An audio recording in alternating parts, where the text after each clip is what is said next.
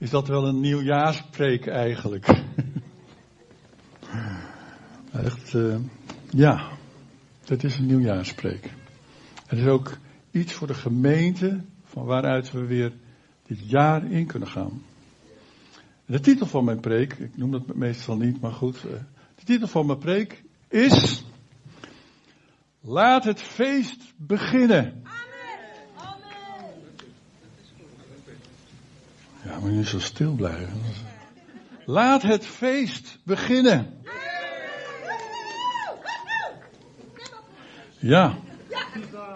Genomen uit Lucas 15. En ik lees eerst de eerste twee versen, want dan kunnen jullie een beetje de omstandigheden zien van wat daar gebeurde in Lucas 15. Eigenlijk een heel bekend gedeelte. Het gaat in drie, in drie gelijkenissen legt hier Jezus eigenlijk iets uit over wat verloren is en wat gevonden wordt. Drie keer op drie verschillende manieren. Maar dit gaat dan over de verloren zoon. En ik dacht, wat moet ik nou over de verloren zoon spreken op de nieuwjaarsdag? Nieuwjaarszondag. Maar de Heilige Geest wees me op een aantal dingen waarvan ik dacht, ja, toch is dat wel zo. Amen. Maar de omstandigheden waren zo dat alle tollenaars, vers 1 en 2 van hoofdstuk 15, en de zondaars kwamen hem, dat was de Heer Jezus, opzoeken om naar hem te luisteren. Maar zowel de fariseeën als de schriftgeleerden die zeiden morren tegen elkaar. Die man ontvangt zondaars. En hij eet met hen. Ja, dat is niet goed eigenlijk.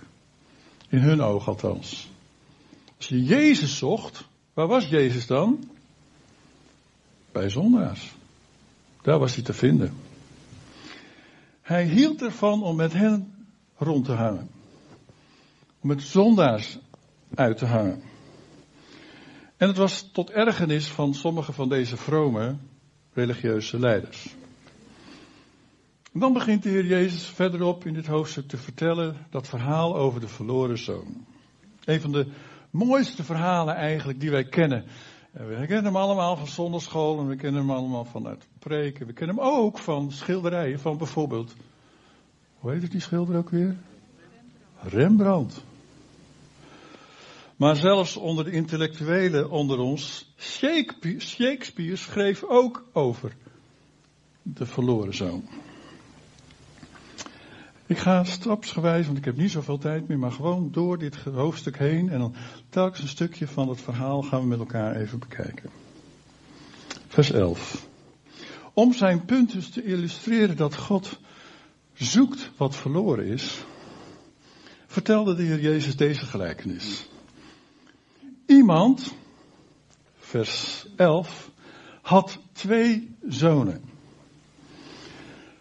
En hij schiep onmiddellijk een beeld van die iemand, van de Vader in de hemel. Een beeld van God, ook zijn hemelse Vader. Wel, vader en vaderschap, eh, dat is best wel een heel kwetsbaar eh, onderwerp eigenlijk. Ook een uitdagend onderwerp. Ik heb al een keer gepreekt op Vaderdag. Ik vind het zelf wel mooi. Ik weet ook hoe, uh, hoe kwetsbaar ik zelf daarin ben. Ik heb wel eens met mijn kinderen gesproken toen ze al volwassen waren van ben ik wel een goede vader geweest. Eerlijk gesproken, niet om alleen maar een complimentje te zoeken, maar om echt eens met hun over te hebben. Sommige mensen geeft het woord vader een positief gevoel. Oh ja, mijn, mijn vader, wow, daar kon ik van op aan. Hè? Vroeger toen ik op uh, straat speelde en je had ruzie met je buurjongetjes, had ik dan wel eens. Dus ze scholden me uit als pinda. Ik was een Indonesisch jochie, zwart haar, stuk bruiner dan nu. Ik ben gewoon in de bleekwater gevallen, zeggen ze wel eens.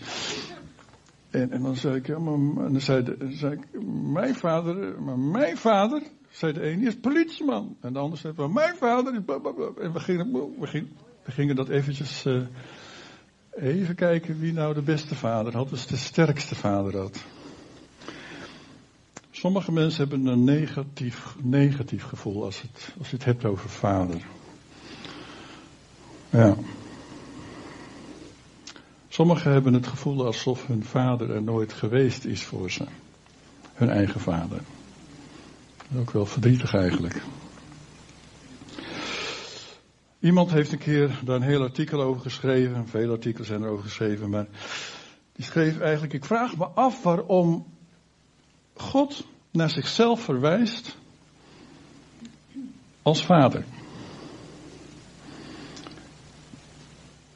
Terwijl de aardse betekenis van vader in onze tijd nou in ieder geval zou gezien worden als een uh, niet zo heel erg intelligente manier van marketing. Want in deze tijd mankeert er nogal wat aan. Toch? Ik kan die reclame van Sieren nog wel, nog wel herinneren. Hè? Dat is een reclame, weet wel, uh, zo'n onafhankelijke stichting die dat al doen op de radio.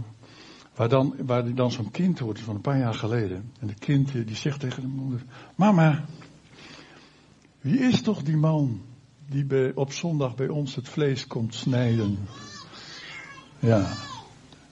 En als je daarover nadenkt, dan is dat heel triest. Wie is toch die man die op zondag bij ons het vlees komt snijden? Ja, dat, vader.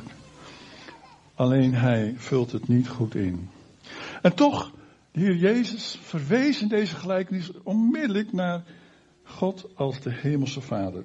En eigenlijk wilde hij daarmee ook iets vanuit het hart van God laten zien aan ons. Vanuit het hart van zijn Hemelse Vader. Gaan we naar het volgende vers, vers 12. En daar lezen we over dat die vader had twee zoons, waarvan eentje een rebellerende zoon was. De jongste van hen zei tegen zijn vader: Vader, geef mij het deel van uw bezit waarop ik recht heb. De vader verdeelde zijn vermogen onder hen. hij verdeelde het gelijk dan maar onder die twee broers. Wat zou, hoe zou je je voelen? Hoe zou ik me voelen als een van mijn kinderen naar mij toe zou komen en zeggen van, uh, pa, ik wil eigenlijk uh, nu gewoon een deel hebben waar ik recht op heb straks. Hoe zou ik me voelen? Ik, dat zou heel pijnlijk zijn als een van mijn kinderen dat zou doen. Deel van waar jij recht op hebt. En dat nu dat opeisen. Wat is dit? Het zou een pijnlijk moment zijn. Zou ik daar dan toegeven? Of zou ik zeggen van ja, nou wacht maar tot ik dood ben. Maar toch heel pijnlijk. Dat gebeurde daar wel. Daar gebeurde dat. Dat een van de zoons zegt van, pa, ik wil het nu gewoon hebben. Alles wat, waar ik recht op heb, nu. Vers 13.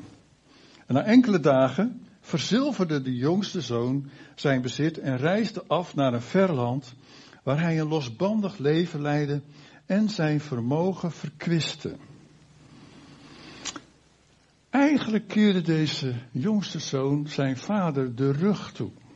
Als er iets pijnlijk is in het leven, denk ik, ook als vaders, als je gezorgd hebt voor je kinderen, is dat een van je kinderen zijn rug naar je toe keert en zegt van ik wil eigenlijk weg. Ik wil niet meer zoveel met je te maken hebben. Ik wil weg. Dat is heel pijnlijk, denk ik, voor vaders. En, en omdat hij naar een ver land ging, kunnen we er ook van uitgaan dat hij eigenlijk ook niet van plan was om weer terug te komen.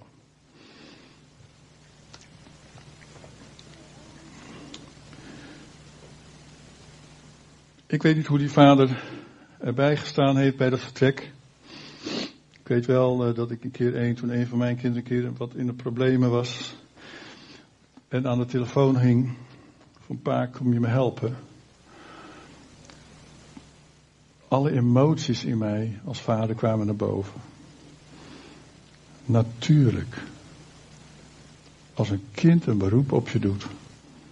Wat hij ook gedaan heeft. Ik heb wel eens, we hebben wel eens natuurlijk over geboomd, Corrie. Zelfs al zou hij in de gevangenis zitten. Gelukkig niet gebeurd hoor. En hij zou zeggen, pa, help mij. Een goede vader, die is er. En die staat er. En die helpt. Maar hoe zou die vader gekeken hebben toen de jongen dan met zijn spulletjes het huis verliet. Ik denk met tranen in zijn ogen. Liet hij hem gaan. Hij was een dwaas. En al gauw had hij al dat geld, al dat wat hij gekregen had, had hij verspild aan drank. Zou, vandaag zouden we kunnen zeggen aan drank.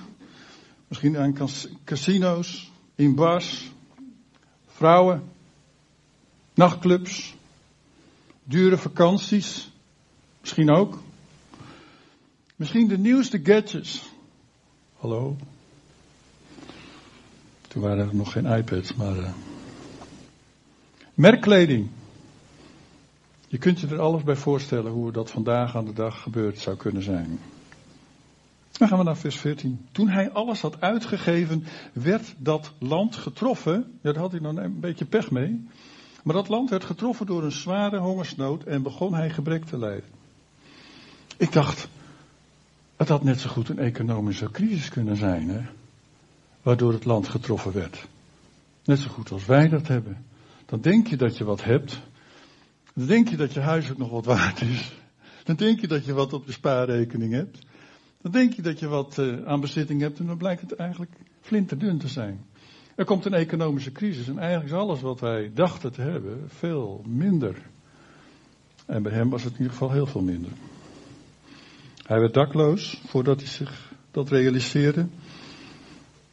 Hij vermagerde, want hij had honger. Hij werd een zwerver. Het zal je toch maar gebeuren. Vers 15 en 16. Hij vroeg om werk bij een van de inwoners van dat land, dat, dat verre land, die hem op het veld zijn varkens liet hoeden. Hij had graag zijn maag willen vullen met de peulen, met het eten, die die varkens te eten kregen. Maar niemand gaf zelfs dat varkensvoer aan hem. Het enige wat hij nog kon doen als Joodse jongen, want daar had de Heer Jezus het natuurlijk over, hij sprak voor zijn eigen volk. Dus het ging over een Joodse jongen. Het enige wat hij nog kon doen, is, is gaan werken voor een varkensstalhouder. Een heiden. En het ergste werk wat je zou kunnen voorstellen als Joodse jongen is dat je moet werken met varkens. Dat onreine dier. Waar zoveel regels over waren als het ging over kosher eten en dergelijke. Dan moest, je, dan moest je daarvoor werken en meewerken. Ik vertel het gewoon allemaal. Eigenlijk zijn we nog lang niet bij mijn punt, maar dat snappen jullie wel. Hè? Vers 17 en 19. Tot 19.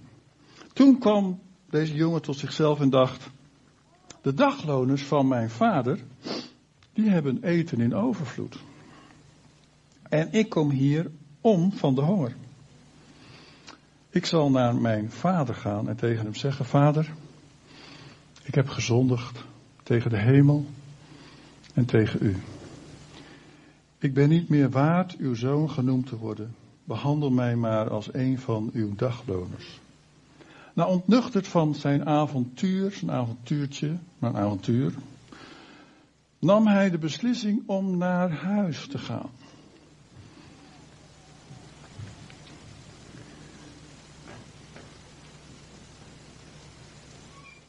Naar het huis van zijn vader. Ik geloof dat het huis van de hemelse vader natuurlijk daarboven is, maar ook hier. Wij zijn het huis van God.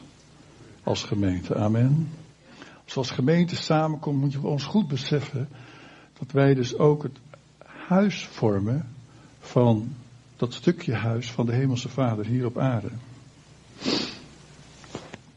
En dus die rebellerende zoon die keerde terug naar huis.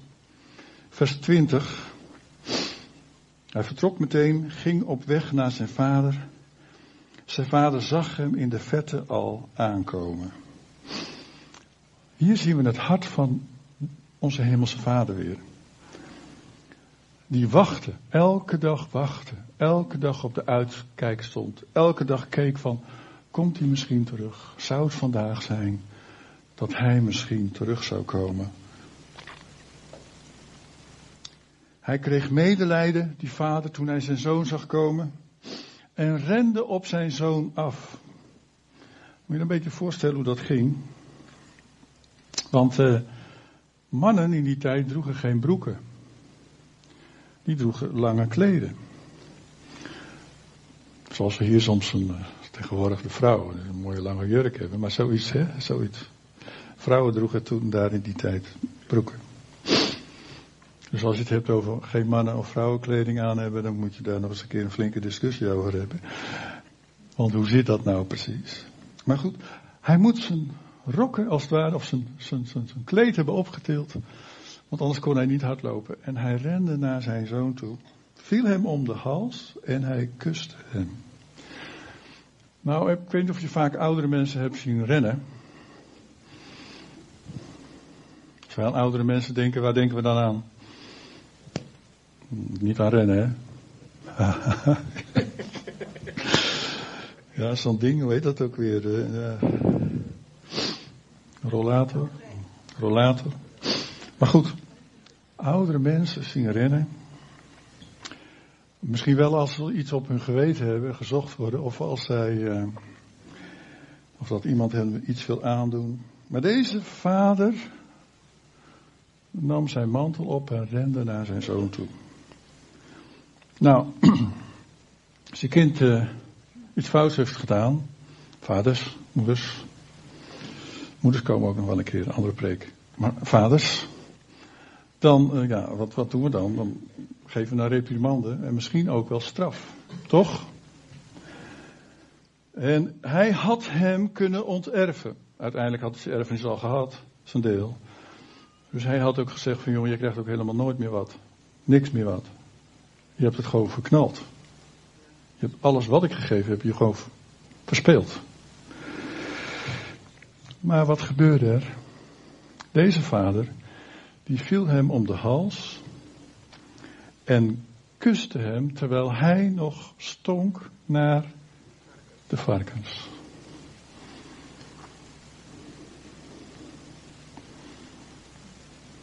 Vaders, hou je van je kinderen?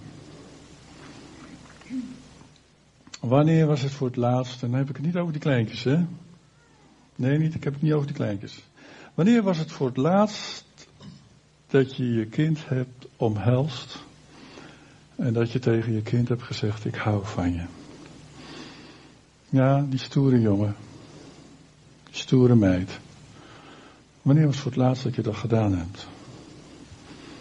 Heb je het gedaan? Wees een vader zoals God, de Vader, ons grote voorbeeld is. Vol liefde, bewogenheid voor zijn zoon. Hij hield nog steeds van hem. Vers 21 en 22. Vader zei de zoon tegen hem, ik heb gezondigd tegen de hemel en tegen u. Ik ben het niet meer waard uw zoon genoemd te worden. Maar de vader zei tegen zijn knechten, haal vlug het mooiste gewaad en trek hem aan. Doe hem, en trek het hem aan, dat mooiste gewaad. Doe hem een ring aan zijn vinger en geef hem sandalen. Blijkbaar had hij geen schoenen meer. Hij op zijn blote voeten naar huis gegaan. Nou, het feestgewaad en de ring waren een teken van volkomen acceptatie door de vader. Volkomen acceptatie. Sandalen, alleen slaven liepen op blote voeten. Zonen hadden schoenen aan. Die kregen sandalen. Dan kan ik me voorstellen als ik naar mezelf denk, aan mezelf denk, dat ik denk van nou, als een van mijn kinderen zo'n zootje van hij, haar of zijn leven heeft gemaakt, dan zou ik misschien zeggen van joh, uh, allemaal goed en wel. Maar ga eerst maar eens je eigen leventjes een beetje op orde maken. Ga maar eens, het maar eens wegbreien. Wat fout is gegaan. Ga het maar eens goed maken. Doe er wat aan. Roep jezelf eens tot de orde. Dat zou ik misschien wel uh, gedaan hebben. Dat deed de hemelse vader niet in deze gelijkenis. Hij wachtte niet tot zijn zoon eerst alles weer op orde had. Nee, onmiddellijk aanvaarde hij hem helemaal. Liefde, aanvaarding, vergeving. Daar gaat het in het koninkrijk van God om. En dan gaat het dus ook in het huis van God om. En dan gaat het dus ook in de gemeente om, lieve mensen. Als we dit jaar ingaan met elkaar. Liefde, aanvaarding, vergeving. Leef, Zutphen. Van waaruit leef je?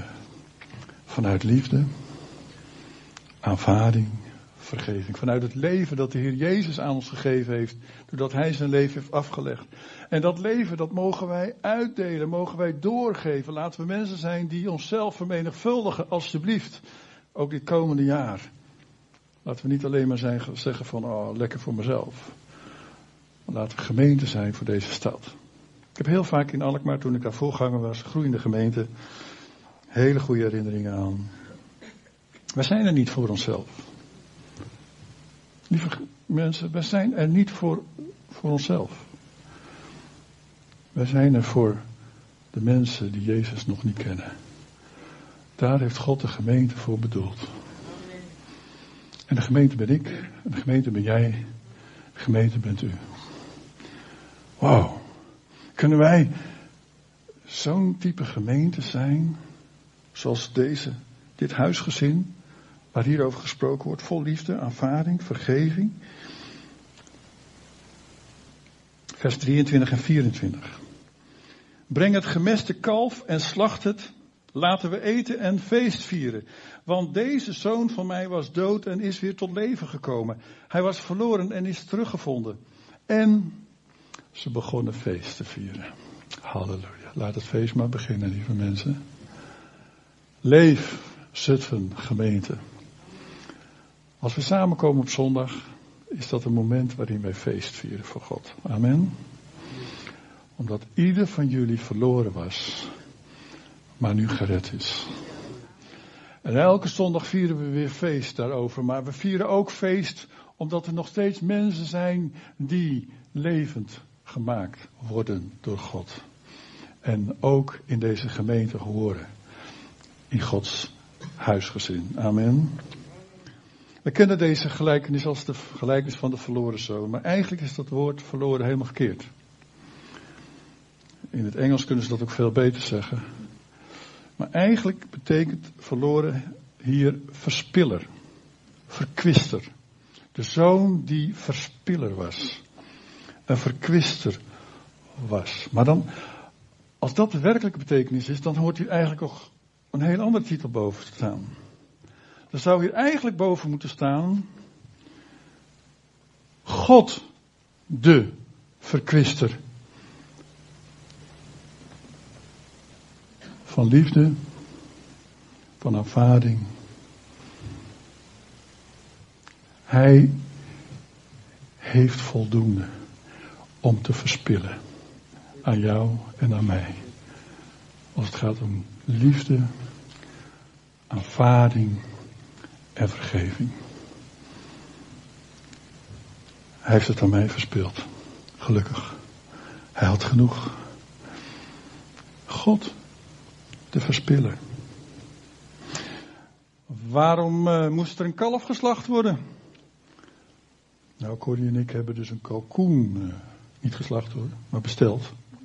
We hadden, we waren met z'n uh, zeventienen thuis, hè Cor? Tweede kerstdag. Ja, wij twee keer, drie getrouwde kinderen, negen kleinkinderen.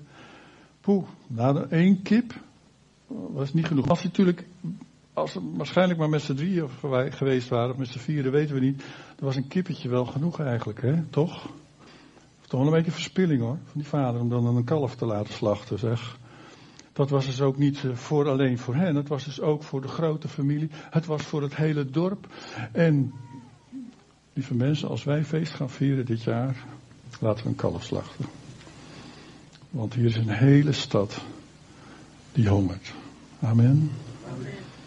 Geen kippetje, niet zuinig doen. Niet karig doen. Laten we uitgeven van alles wat God ons geschonken heeft. Amen. Laten we zo gemeente zijn met elkaar. Maar dan kom ik nog even verder bij het volgende vers. Vers 25. De oudste zoon, of blijkbaar was er ook een oudste zoon. Die was op het veld. En toen hij naar huis ging en al dichtbij was, hoorde hij muziek en gedans. En hij riep een van de knechten bij zich en vroeg wat dat te betekenen had. Vers 25 tot 28. En de knecht zei tegen hem, uw broer is thuisgekomen en uw vader heeft het gemeste kalf geslacht, omdat hij hem gezond en wel heeft teruggekregen. Hij werd woedend en wilde niet naar binnen gaan. Maar zijn vader kwam naar buiten en trachtte hem te benaderen. De oudste zoon was kwaad, trots. Hij was onfatsoenlijk, kritisch. Waarschijnlijk was hij naar zijn broer toegerend, zijn jongere broer, en hij had het hem recht in zijn gezicht had gezegd. Hoe je over hem dacht. Vers 29 en 30. Die oudste zoon zei tegen de vader, al jarenlang werk ik voor u. Nooit ben ik u ongehoorzaam geweest en als u mij iets opdroeg en u hebt mij zelfs nooit een geitenbokje gegeven om met mijn vrienden feest te vieren. Maar nu die zoon van u is thuisgekomen die uw vermogen heeft verkwanseld aan de hoeren, hebt u voor hem het gemeste kalf geslacht. Soms denk ik dat die oudste zoon is als die christen die elke zondag naar de kerk gaat en overal en altijd wat over te klagen heeft. Die zitten natuurlijk niet in deze gemeente hoor, maar ik bedoel even. Die altijd wat te mopperen heeft. Zitten ook niet in deze gemeente, die zitten gewoon in andere gemeentes. Maar soms is dat het beeld van die oudste zoon. Boos op de vader vanwege de verkwisting van zijn liefde voor de jonge zoon. Hij had straf verwacht. Hij had discipline verwacht. Aanpakken. Die broeder. Aanpakken die zuster. Ja. Aanpakken die ongehoorzaamheid. Maar zijn vader zei, jongen, je bent altijd bij me. En alles wat van mij is, is ook van jou. Halleluja. Maar we konden toch niet anders dan feest vieren en blij zijn. Want je broer was dood en is weer tot leven gekomen. Hij was verloren en is weer teruggevonden. Hier zie je de rebellie, de rebellie van de jongeren tegenover misschien de vrome geest van de ouderen. Wat voor zoon ben jij?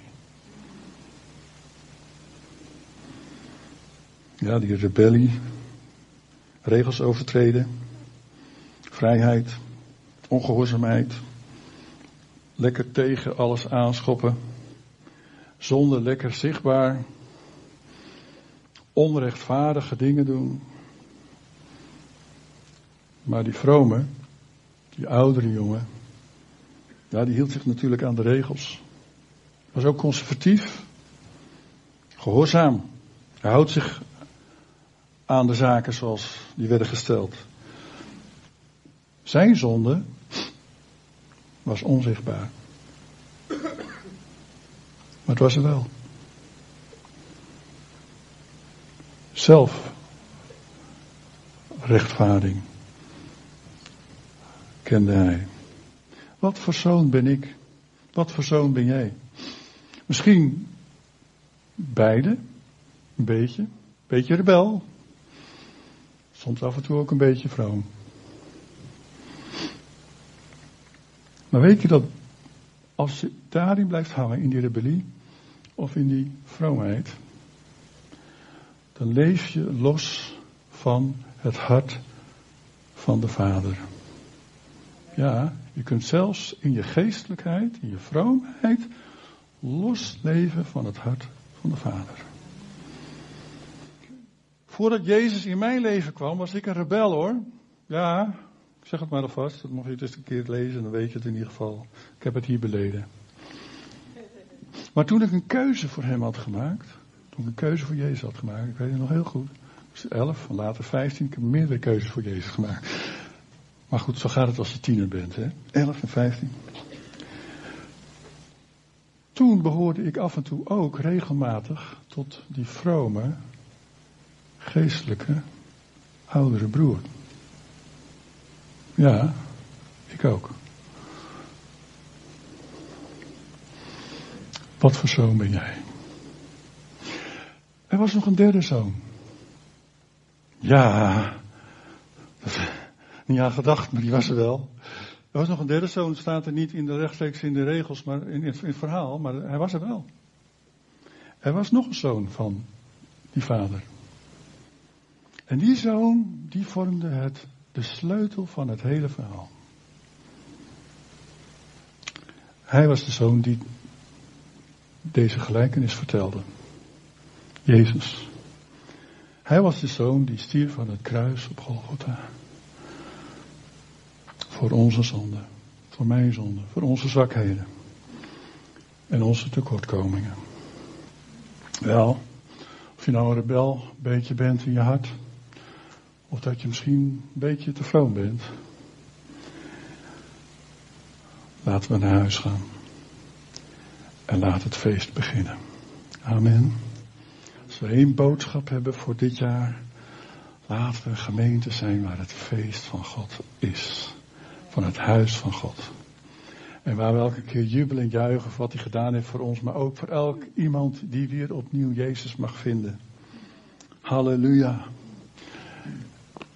En als je denkt aan dit verhaal, denk dan eens na over wat voor zoon ben ik nu eigenlijk. Misschien is het tijd dat je rebellie aflegt. Ja, zeg maar helemaal geen rebel. Maar misschien is het ook tijd dat je je klagen en je kritiek aflegt. Als wij feest willen hebben met elkaar dit jaar, dan vraagt het om een zoonschap zoals de Heer Jezus was. Amen. Amen. En omdat wij gekocht en betaald zijn door zijn bloed. En omdat hij in ons woont. Mogen we hem ook navolgen. En zeggen van Heilige Geest, kom maar. Verander mij maar. Heer, ik wil geen rebel zijn. Ik wil ook niet zo'n vrome, kritische persoon zijn. Ik wil worden als Jezus. Ik wil zijn als Jezus. Maak mij als die derde zoon, die niet in het verhaal geschreven staat, maar die wel dit verhaal vertelde. Jezus zelf, die sprak over zijn vader. En over het huis van de vader. En ik bid dat Leef Zutphen zo'n gemeente mag zijn. Amen. Oh, halleluja. Niet waar, waar we alleen maar met een kippetje slachten met elkaar, maar waar we een kalf het vetgemeste kalf moet op tafel, lieve mensen. Want er is een heel Zutphen om ons heen die honger heeft. Die in nood is. Die mag weten en moet weten wie Jezus is. Amen. Zal gaan staan met elkaar. Ik ben een beetje te lang doorgegaan misschien, maar het is goed om zo'n eerste dag van het jaar onszelf ook aan de Heer te geven.